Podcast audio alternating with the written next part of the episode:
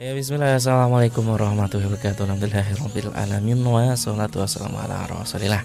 99.9 FM Radio Karimah sahabat Anda belajar Al-Qur'an. Saudara di mana pun Anda berada. Alhamdulillah di kesempatan malam hari ini ya bisa kembali berjumpa dengan saya Nusyad ya di program kesehatan yaitu program Bincang Sehat Radio Karimah di edisi hari Rabu di tanggal 28 Dzulhijjah 1443 Hijriah yang bertepatan juga dengan tanggal 27 Juli tahun 2022 Masehi. Ya tentunya di program bincang saya ya uh, kami akan membuka kesempatan ya bagi saudara semua yang ingin bergabung ya yang mungkin ingin konsultasi seputar kesehatannya ya atau juga kesehatan keluarganya yang mungkin uh, kodar uh, yang mana mungkin di saat kali ini ya sedang diuji dengan sakit mungkin ya uh, monggo bisa bergabung di kesempatan kali ini dan nanti bisa dikonsultasikan ya uh, sakitnya tadi dengan uh, narasumber kita yaitu Dr. Nuridat SPP Definasi dan tentunya ya uh, seperti biasa monggo bisa bergabung via telepon di 0271 698 0, 0 uh, Avan ya untuk yang 0271 saat ini sedang trouble Avan ya bisa telepon di 081 229 888 sekali lagi di 081 229 888 atau bisa bergabung juga ya dengan mengikuti streaming kami yang ada di Facebook dan juga di YouTube ya untuk akunnya ada di Radio Ish Karima. Dan uh, tentunya ya di kesempatan malam hari ini uh, kita masih akan melanjutkan pembahasan seputar diabetes mungkin ya. Nanti kita tanyakan ke narasumber kita dulu mungkin ya. Karena di minggu kemarin atau pekan kemarin ada pertanyaan ya dari pendengar seputar menu diet ya untuk penderita diabetes ya. Semoga nanti uh, sesuai dengan tema itu atau mungkin kalau misalnya ada tema lain nanti kita tanyakan ke beliau terlebih dahulu. Ya dan untuk acara di malam hari ini ya seperti biasa masih via Zoom ya dengan beliau kita sapa beliau terlebih dahulu mungkin ya. Uh, Oke, okay, coba kita sambungkan dengan beliau uh, via uh, Zoom.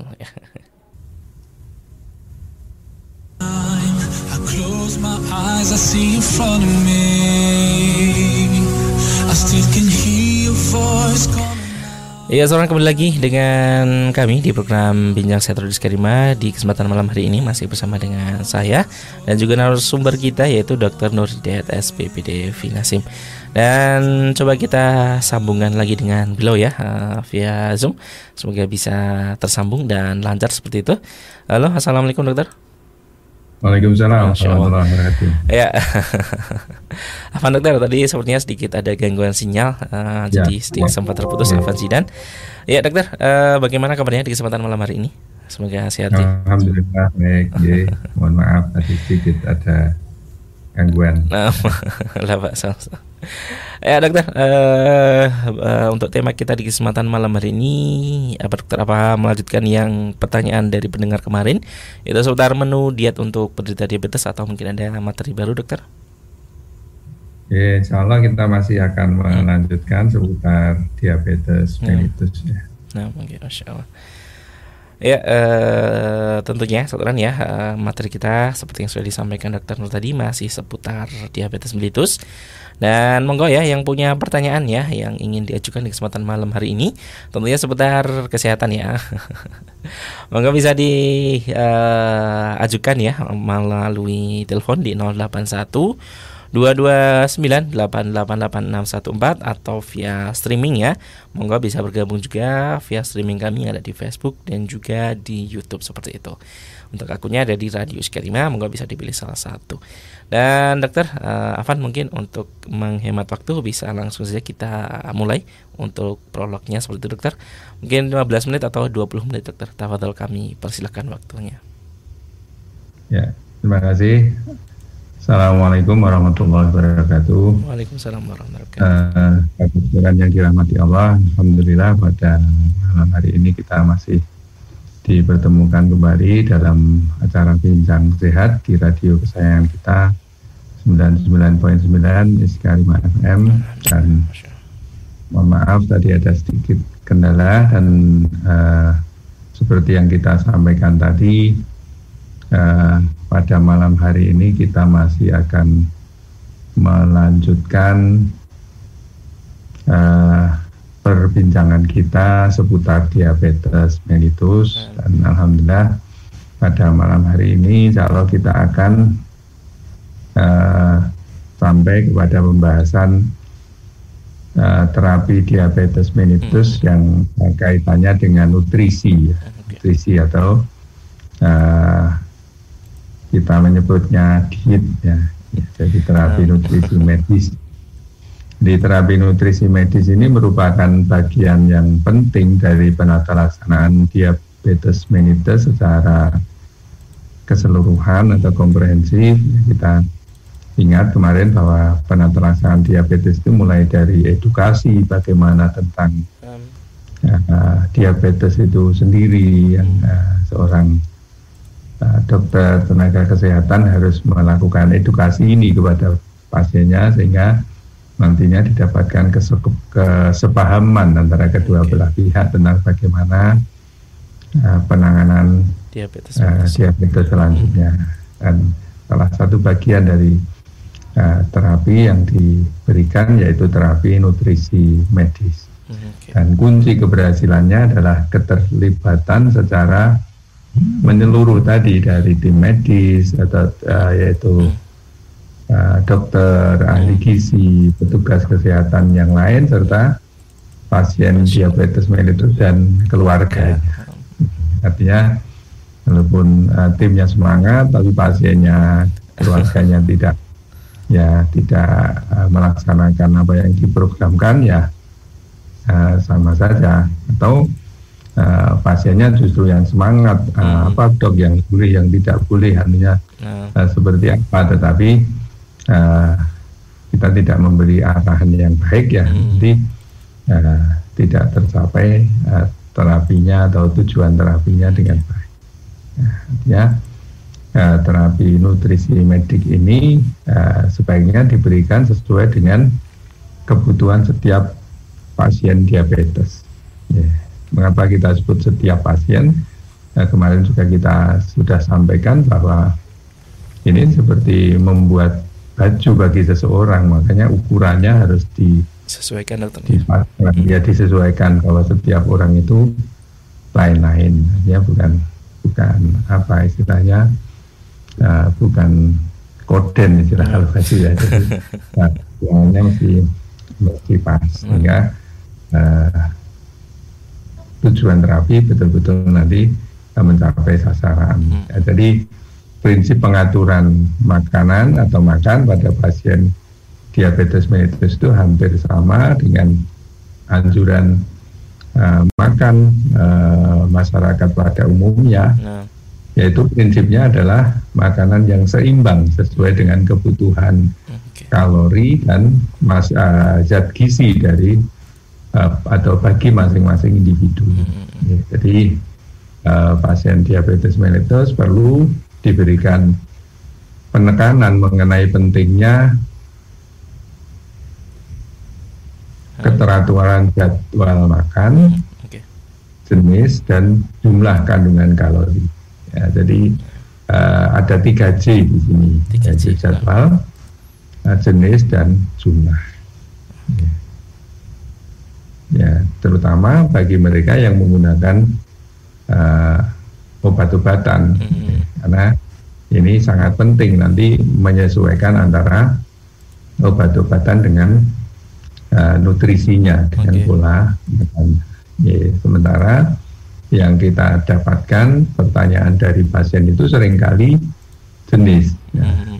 Dok, makanan apa saja yang boleh dimakan, makanan apa yang tidak boleh dimakan. Nah ini uh, pertanyaannya biasanya hanya seputar pada jenisnya saja jenis ya jenis ya. Jadi uh, padahal ada tiga C di sini yang harus diperhatikan yaitu jadwal makan uh, jenis dan jumlah. Jumlahnya. Jumlah ini yang ber, nanti juga uh, berhubungan dengan jumlah kandungan kalori ya. Jumlah uh, apa termasuk jumlah atau bobotnya berapa hmm. takarannya dan sebagainya okay. sehingga ya, kita kenal nanti komposisi dari makanan yang dianjurkan bagi pasien diabetes mellitus. Ya, tadi sudah dikatakan prinsipnya sama yaitu uh, seimbang ya mm-hmm. sesuai dengan kebutuhan kalori dan zat gizi masing-masing individu. Sehingga uh, komposisi makanannya pun harus uh, seimbang memenuhi berbagai unsur. Artinya yang pertama tentunya karbohidrat ini tidak bisa tidak bisa lepas. Okay. Sementara ada orang yang mau oh, tidak makan karbohidrat sama sekali, nanti tidak seimbang.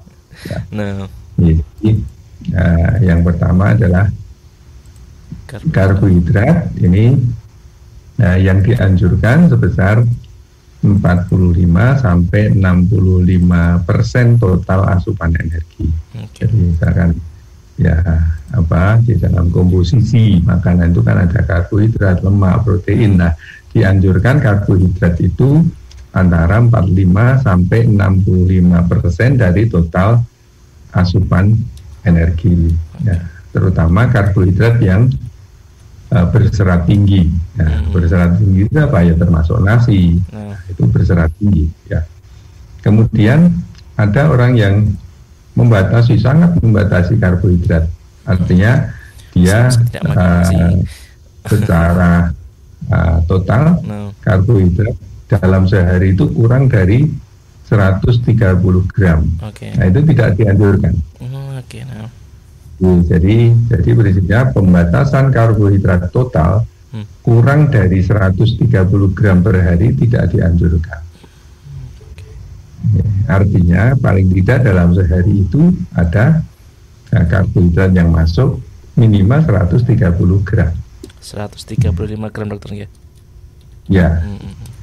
Kemudian uh, glukosa dalam bumbu ini diperbolehkan sehingga pasien dapat makan sama dengan makanan keluarga yang lain. Okay. Nah, ini uh, misalkan nah ada apa makanan-makanan yang mengandung uh, karbohidrat dalam dalam bumbu atau dalam uh, sayur misalkan. Nah, ini tetap boleh kan hmm. itu. Uh, jangan sampai uh, di apa masakan untuk uh, yang diabetes lain dengan masakan yang uh, yang keluarga keluar, yang lain. Yang, ya. Ya, termasuk gulanya, termasuk hmm. gulanya. Oh, yang satu pakai gula, yang satu tidak. Hmm. Ya, tetap boleh karena gula pada sayur itu insya Allah tidak tidak uh, banyak begitu. Sehingga intinya itu glukosa dalam tubuh diperbolehkan sehingga pasien diabetes dapat makan sama dengan makan makanan keluarga yang lain. Ini uh, karena ini nanti secara psikologis juga sangat-sangat berpengaruh. Oh. ya. Kasihan dokter ya. ya tidak oh. merasa dibedakan. Hmm. Dan ini butuh satu pengertian karena okay. mungkin saking taatnya, saking hati-hatinya itu ya bahkan uh, yang sakit mempunyai permintaan sendiri ya, jadi hmm. masakan sendiri begitu nah, hmm. itu tidak tidak perlu hmm. kemudian uh, sukrosa tidak okay. betul karena itu nanti berhubungan tadi dengan obat-obatan yang diminum kemudian berhubungan dengan sekresi endokrin insulin ya, ya tubuh itu kan uh, mengeluarkan insulin berdasarkan uh, reaksi atau berdasarkan kita makan sesuatu gitu. maka tetap dianjurkan makan tiga kali sehari. sehari dan bila perlu dapat diberikan makanan selingan seperti buah atau makanan lain sebagai uh, bagian dari kebutuhan kalori sehari artinya oh, total kalorinya nanti dihitung kemudian uh, total kalori itu dicukupi dari makan besar tiga kali sehari dan di sela-sela makan besar itu bisa ditambah dengan uh, snack atau atau buah kan gitu makanan yang lain sehingga uh, tercapai total kebutuhan kalori dalam sehari. Nah ini prinsip dari karbohidrat. Ya. Kemudian uh, yang kedua yaitu lemak. Ya, asupan lemak yang dianjurkan ini sekitar 20 sampai 25 persen kebutuhan kalori dan uh, tidak diperkenankan melebihi 30 persen dari total asupan energi. Ini lemak. Dan secara teori begitu komposisi yang dianjurkan ini uh, lemak jenuh kurang dari 7 persen, lemak tidak jenuh uh, kurang dari 10 persen, hmm. selebihnya dari lemak tidak jenuh tunggal sebanyak 12 sampai 15 persen, ya, sehingga nanti ada perbandingannya tentang hmm. apa komposisi ini. Dan bahan makanan yang perlu dibatasi adalah yang banyak mengandung lemak jenuh dan lemak trans antara lain daging yang berlemak dan susu full cream. Susu full cream ini okay. uh, perlu dibatasi. Ya. Nah, nah. Oh, berarti Kemudian konsumsi, nah. ya konsumsi kolesterol yang dianjurkan yaitu kurang dari 200 mg per hari. Okay. Ini tentang uh, lemak. Mm. Ya, jadi uh, bukan berarti tidak boleh makan lemak, tetapi lemak itu juga diperlukan oleh tubuh sehingga komposisinya tadi kita ulang karbohidrat 45 sampai 65 persen, lemak 20 sampai 25 persen. Hmm. Ya. Kemudian uh, karbo tadi minimal 100 protein, ya. protein itu. Ya, ya. Kemudian sisanya tadi kan uh, lemak, uh, karbohidrat ya sisanya komposisinya tentunya uh, protein, protein ya. Okay. Nah, protein. Kemudian uh, beberapa hal yang perlu diperhatikan pada uh, komposisi diet protein yaitu pada pasien dengan nefropati diabetik. Nefropati diabetik itu adalah gangguan ginjal yang diakibatkan oleh uh, diabetes mellitus. Mm -hmm. Ya, Bagaimana kita mengetahui itu suatu nefropati? Ya, apa yang paling sensitif pengukurannya adalah lewat albumin albumin urin atau tes albuminuria.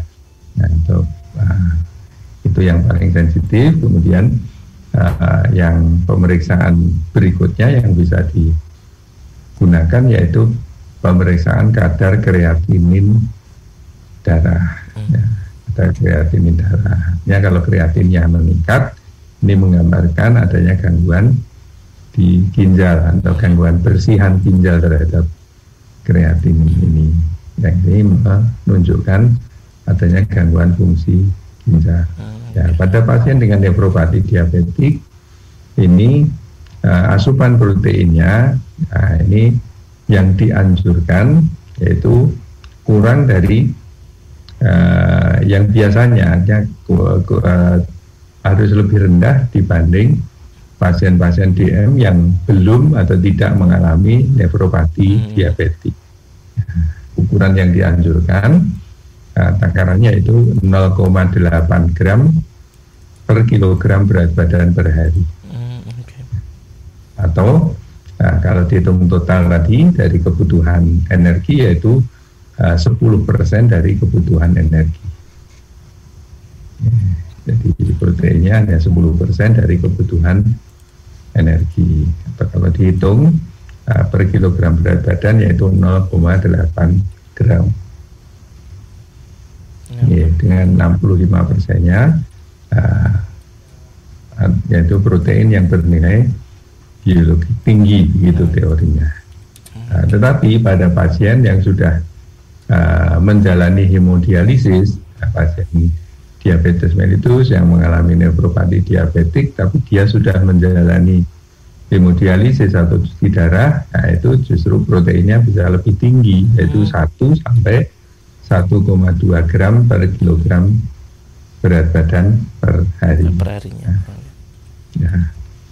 Ya. Kemudian sumber protein yang baik tadi adalah ikan, nah. udang, tumi, daging tanpa lemak. Daging ya. tanpa lemak, oke. Okay. Ya, uh, ya kan ada ada bagian-bagian daging itu yang ada lemaknya.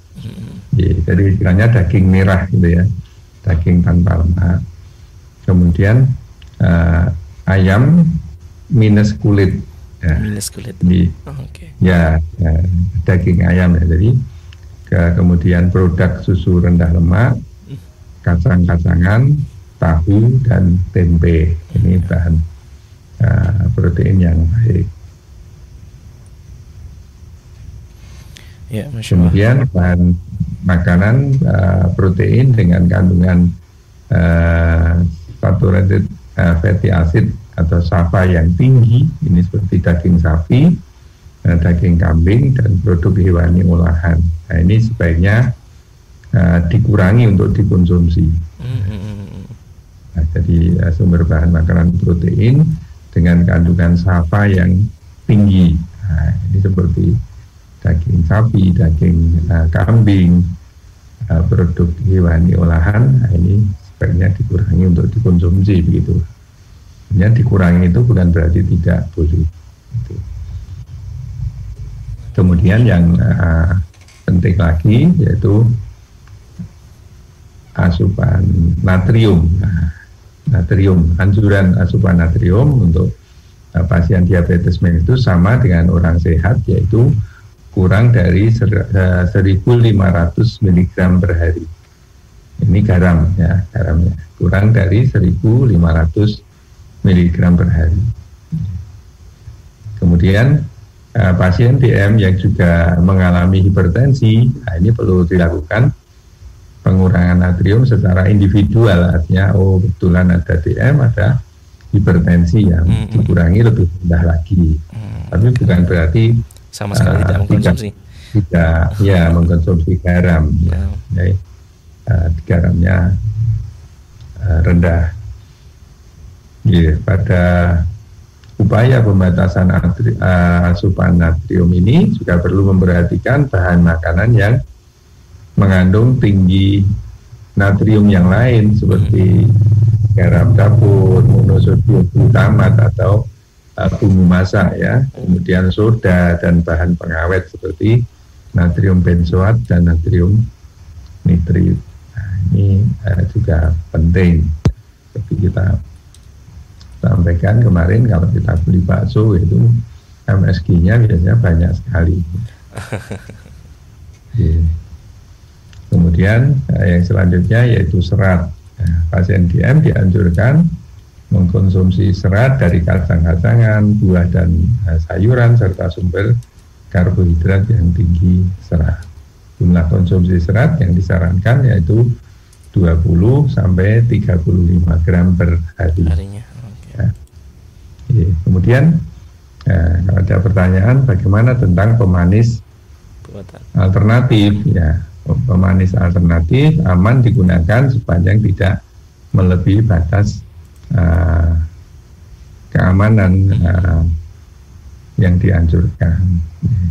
Jadi pemanis alternatif ini dikelompokkan menjadi pemanis berkalori dan pemanis tidak berkalori. Nah, pemanis berkalori ya perlu diperhitungkan kandungan kalorinya sebagai bagian dari kebutuhan kalori seperti glukosa uh, dan uh, fruktosa. Ya ya ada namanya glukosa alkohol nah, glukosa alkohol antara lain ada isomat uh, laktitol, manitol, manitol, sorbitol, asiritol nah, ada beberapa. Uh, apa itu? Jenisnya. Oke, itu uh, beberapa. Oh ya termasuk uh, pemanis yang tidak berkalori. Nah ini sakarin, oh. aspartam, uh, kemudian sukrosa ini uh, boleh. Ya, hmm. Ya masya Allah. Uh, ya dokter, uh, mungkin itu dulu mungkin untuk prolognya dokter. Ini sebenarnya sudah ada beberapa ya. pertanyaan. Ya. Nanti ya. kami kirimkan ke panjenengan. Namun sebelumnya kita mungkin break sejenak terlebih dahulu ya untuk saudara semua. Jadi jangan ke mana-mana. Kita akan kembali nanti setelah jeda yang berikut ini. Sekali lagi uh, kita nanti akan langsung membacakan pertanyaan yang sudah sahabat Quran kirimkan tentunya. Uh, jangan ke mana kita ikuti uh, jeda yang berikut ini. Selamat mendengarkan.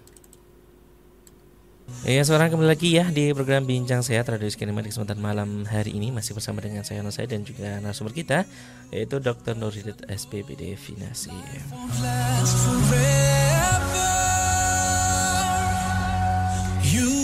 Dan kita coba sambungan kembali ya dengan beliau via Zoom ya. Semoga bisa langsung tersambung. Halo dokter. Halo. Iya. Oke, masya Allah sudah tersambung kembali. Ya, masya Allah. Uh, terima kasih dokter. Mungkin kita langsung ke pertanyaan bagaimana dokter? Tidak masalah ya. Ya, ya. Oke. Ya. ya, kita langsung ke pertanyaan pertama dokter dari 3163 Assalamualaikum. Waalaikumsalam warahmatullahi wabarakatuh. Waalaikumsalam uh, Selamat malam dok. Makanan apa? Ya dok yang cocok untuk penyakit komplikasi TBC dan diabetes.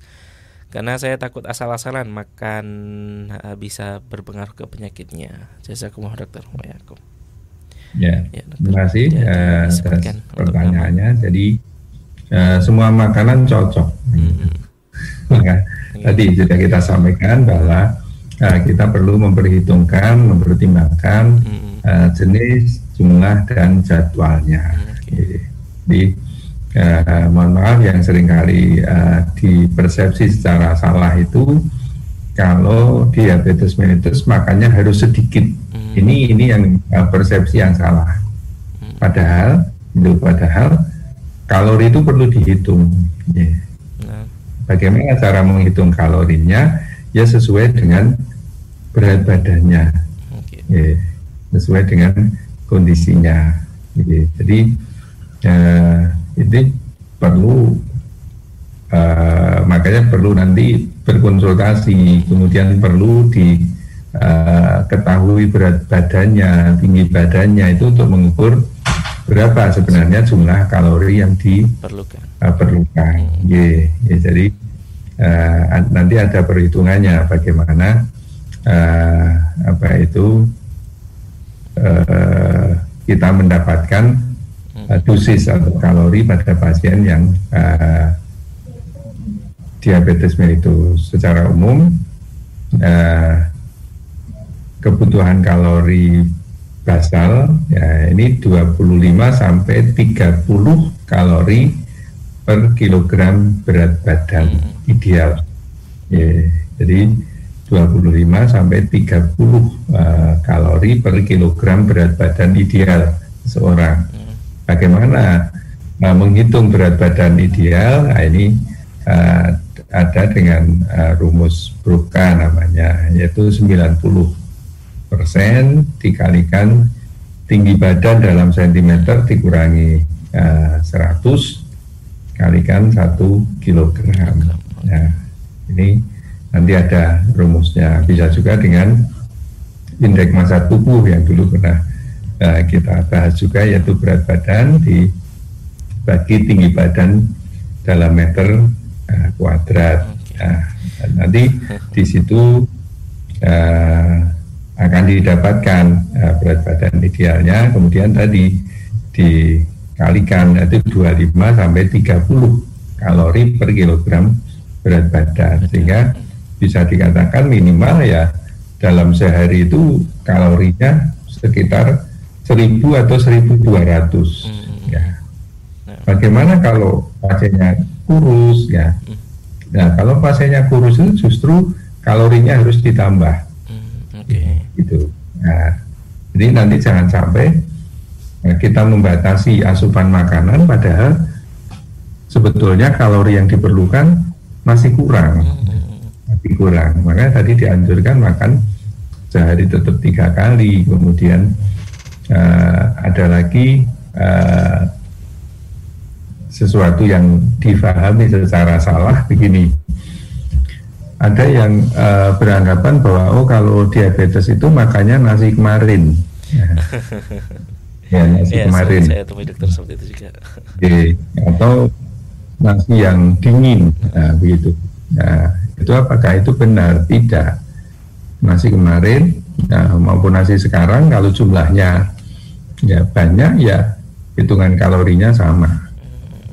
Oke, maka maka uh, tidak ada anjuran itu. Ya.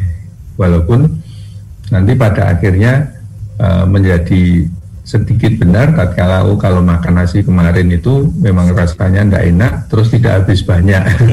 Nah itu kalau agak nah. mengurangi porsi mungkin mungkin benar ya gitu. Tapi kan uh, tidak seperti itu mestinya. Ya ya, ya tetap uh, boleh ya hanya ya makanan pokok kita nasi tetap nasi baru nasi hangat-hangat juga juga uh, boleh yang diperlukan adalah penghitungan uh, jumlahnya. Ya, maka disesuaikan tadi dengan berat badannya, dengan kondisi fisiknya dan tadi kalau ada pertanyaan bahwa uh, ada bersamaan antara uh, tuberkulosis dan uh, diabetes mellitus ya ini kalorinya justru harus ditambah karena uh, sedang mengalami suatu proses infeksi, infeksi. gitu. Ya, jadi malah justru uh, kalau dibilang secara uh, mudahnya kebutuhan kalorinya uh, lebih dibanding dengan kondisi biasa, biasa. itu.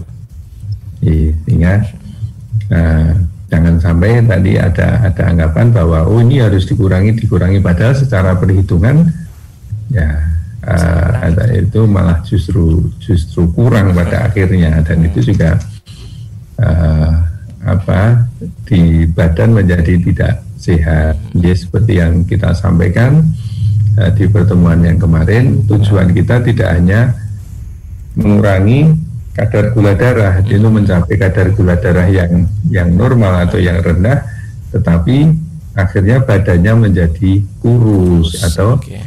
ya, menjadi apa uh, tidak bersemangat, hmm. bahasa Jawanya menjadi lungkrah atau secara umum uh, quality of life-nya, kualitas hidupnya menjadi uh, tidak baik. Hmm. Nah, itu tujuan uh, terapinya akhirnya juga tidak ter tercapai. Ya. Dan adanya diskusi, adanya kita membaca, adanya kita bertanya, hmm. mudah-mudahan dengan itu menambah semangat, sugesti positif, tidak terlalu takut untuk makan. Oh jangan-jangan ini tidak boleh. Atau malah memfonis sendiri ini tidak boleh ini tidak boleh. Tapi dari dari diri sendiri oh ini harus tadi harus nasi kemarin harus nasi merah kan gitu. Yeah. kalau ini menjelang 17 Agustus berarti nasinya merah putih lah tidak seperti itu. Ya. Jadi ya uh, tetap pakai nasi putih tidak apa Nah, ya, cuma yang diperlukan adalah perhitungan tadi jumlah kalorinya, ya kemudian uh, jadwalnya diperhatikan. Itu secara umum kita bisa kita sampaikan seperti itu. Yang uh, jelas kalau ada proses infeksi atau sedang penyembuhan uh, suatu uh, penyakit tertentu malah justru asupan kalorinya diperlukan uh, lebih dibanding kondisi uh, biasa. biasa. Okay, Masya Allah. Ya, uh, itu tadi jawabannya ya untuk penanya di 3163. Ya, dan dokter mungkin kita ke pertanyaan berikutnya saja. Ini ada dari pendengar di Sukoharjo ya.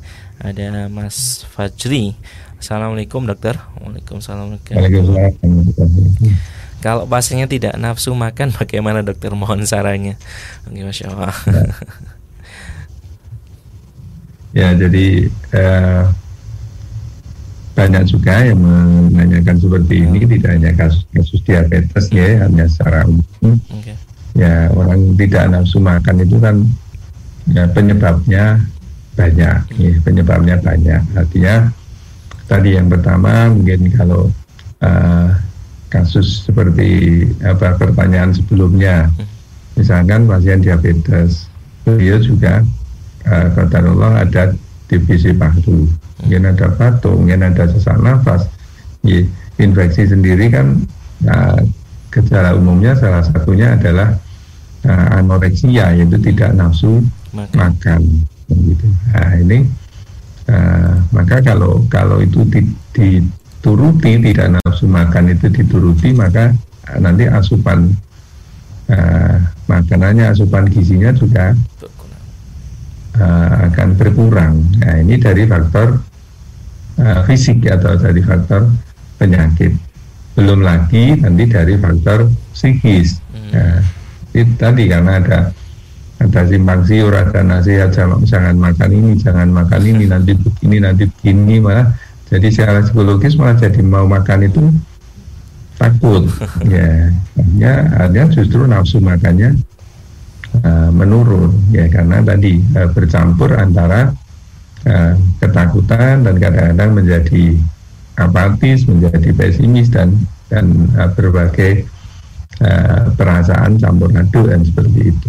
Yeah. Kemudian uh, apa uh, bisa juga faktor-faktor lain yang mempengaruhi bagaimana uh, seseorang itu nafsu makannya uh, bisa berkurang atau tidak tidak tidak seperti biasanya.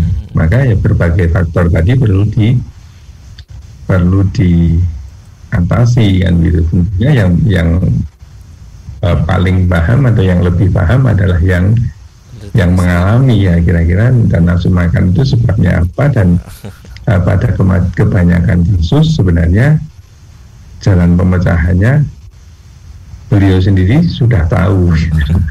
Tergantung ya tergantung uh, mau melaksanakan atau tidak, uh, tidak gitu. Ya uh, Nah ya sejatinya obat-obat nafsu makan itu ya nam namanya namanya kalau kita kaitkan mohon maaf kalau kita kaitkan dengan ya istilah agama malu biniyah kan itu ya. motivasi itu ya yang paling efektif itu motivasi itu dari dari diri sendiri bukan dari orang lain bukan dari uh, obat nafsu makan misalkan ya, obat nafsu makan ini ada, ada di dalam di dalam diri sendiri tadi itu kalau kalau saya memandang seperti itu yeah.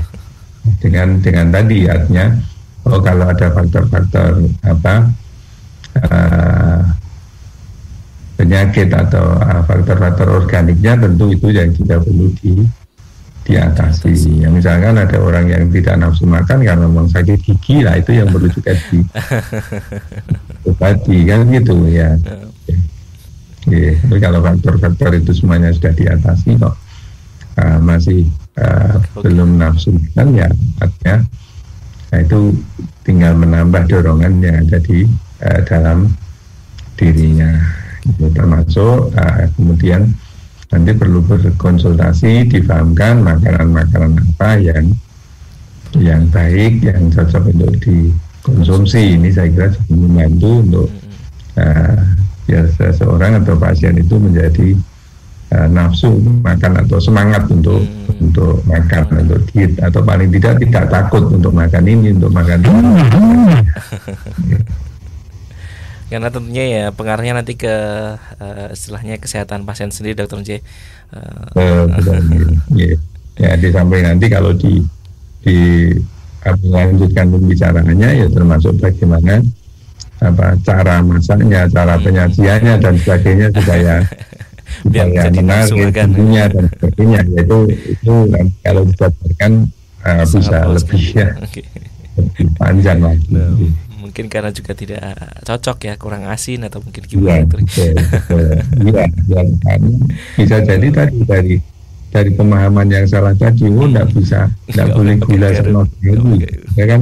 Pakai pemanis buatan, bisa. Oh tidak asin sama sekali padahal kan istilahnya mengurangi bukan uh, bukan uh, apa sama sekali berpandang konsumsi nah, okay. yeah.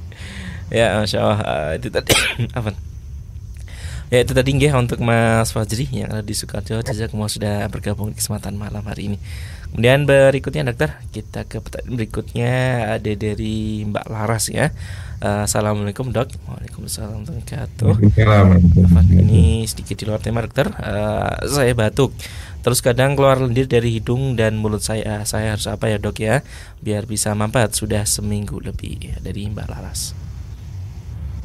Iya.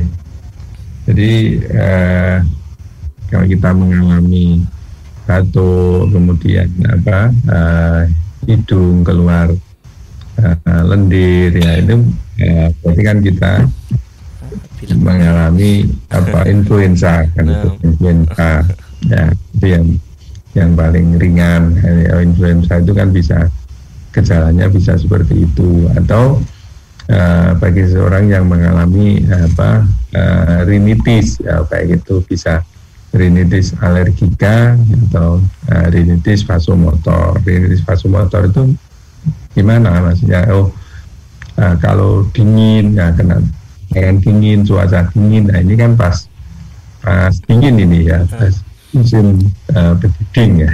Nah, ini boleh jadi uh, bapak itu yang punya bakat nah, bakat untuk ini bisa pilek sampai meler. Bagaimana mengatasinya? Ya dengan meningkatkan daya tahan yang mengkonsumsi makanan-makanan yang bergizi. Jangan apa uh, jangan sampai tidak mau makan kan gitu. Kemudian meningkatkan daya tahan dengan uh, berolahraga tentunya kan hmm. gitu. Tapi kalau pas uh, sakit ya uh, mesti istirahat dulu nah, tapi kalau tadi misalkan penyebabnya adalah influenza misalkan ditandai dengan adanya uh, demam dan sebagainya lah itu perlu di uh, periksakan untuk mengatasi uh, infeksinya. Tetapi kalau tidak ada demam, nah itu merupakan tadi ya, kita istilahkan rintis vasomotor atau alergika, yaitu perlu dihindari paparan uh, alerginya. Misalkan, oh kalau pas mandi jadi lebih apa uh, produktif jadi meler ya mandinya pakai air hangat atau tidak terlalu pagi atau tidak terlalu uh, larut uh, sore atau malam gitu. Jadi ada beberapa uh, cara untuk mengatasi itu. Ya, uh, jazakumullah. Samping mungkin memang, okay. kalau memang itu sangat mengganggu ya diperlukan obat-obat uh, namanya untuk me, untuk mengunggarkan saluran hmm. pernafasannya supaya tidak uh, apa ngocor berhenti terus dan hidungnya. Kalau udah uh, kalau orang Jawa mungkin pilek bayai seperti dokternya. Jadi duduk pun ya, kadang ya. bisa netes-netes sendiri seperti itu. ya, ya. Masya Allah. Ya, eh, semoga cepat sembuh untuk Mbak Laras ya. Uh, dan mungkin dokter satu lagi, ini sepertinya bukan sebuah pertanyaan, namun kita bacakan saja dari Ibu Yuliana, dokter. Assalamualaikum, waalaikumsalam wabarakatuh. Uh, Bapak dokter, saya Ibu Yuliana, jazakumullah katsiran wa atas penyampaian materinya. Uh, naam, uh, Bapak Dokter dalam menyimak mawon, insya Allah sampun paham tentang anjuran dietnya. Yang terpenting increase the quality of life ya. Jazakumullah khair, masya Allah. ya, uh, itu tadi mungkin uh, yang bisa kita bacakan terakhir dokter dari Ibu Yuliana dan kita mungkin harus cukupkan dulu percuma kita kesempatan malam hari ini ya dokter kita tutup mungkin. Ya sekali lagi jazakumullah dokter atas waktu dan ilmunya. Semoga bisa berjumpa kembali di pekan depan tentunya dan saudara uh, terima kasih atas perhatiannya ya di kesempatan malam ini. Sudah kurang lebih satu jam tadi perjumpaan kita di kesempatan kali ini. Uh, untuk yang bertanya kami ucapkan jazakumullah khair. Dan untuk yang menyimak dari awal sampai akhir kami ucapkan juga jazakumullah khair. Dan kita tutup dulu mungkin dengan hamdalah dan doa kafaratul majelis alhamdulillahirobbilalamin Subhanakallahumma wa bihamdika asyhadu alla ilaha illa anta. Astaghfiruka wa atubu. Wassalamualaikum warahmatullahi wabarakatuh.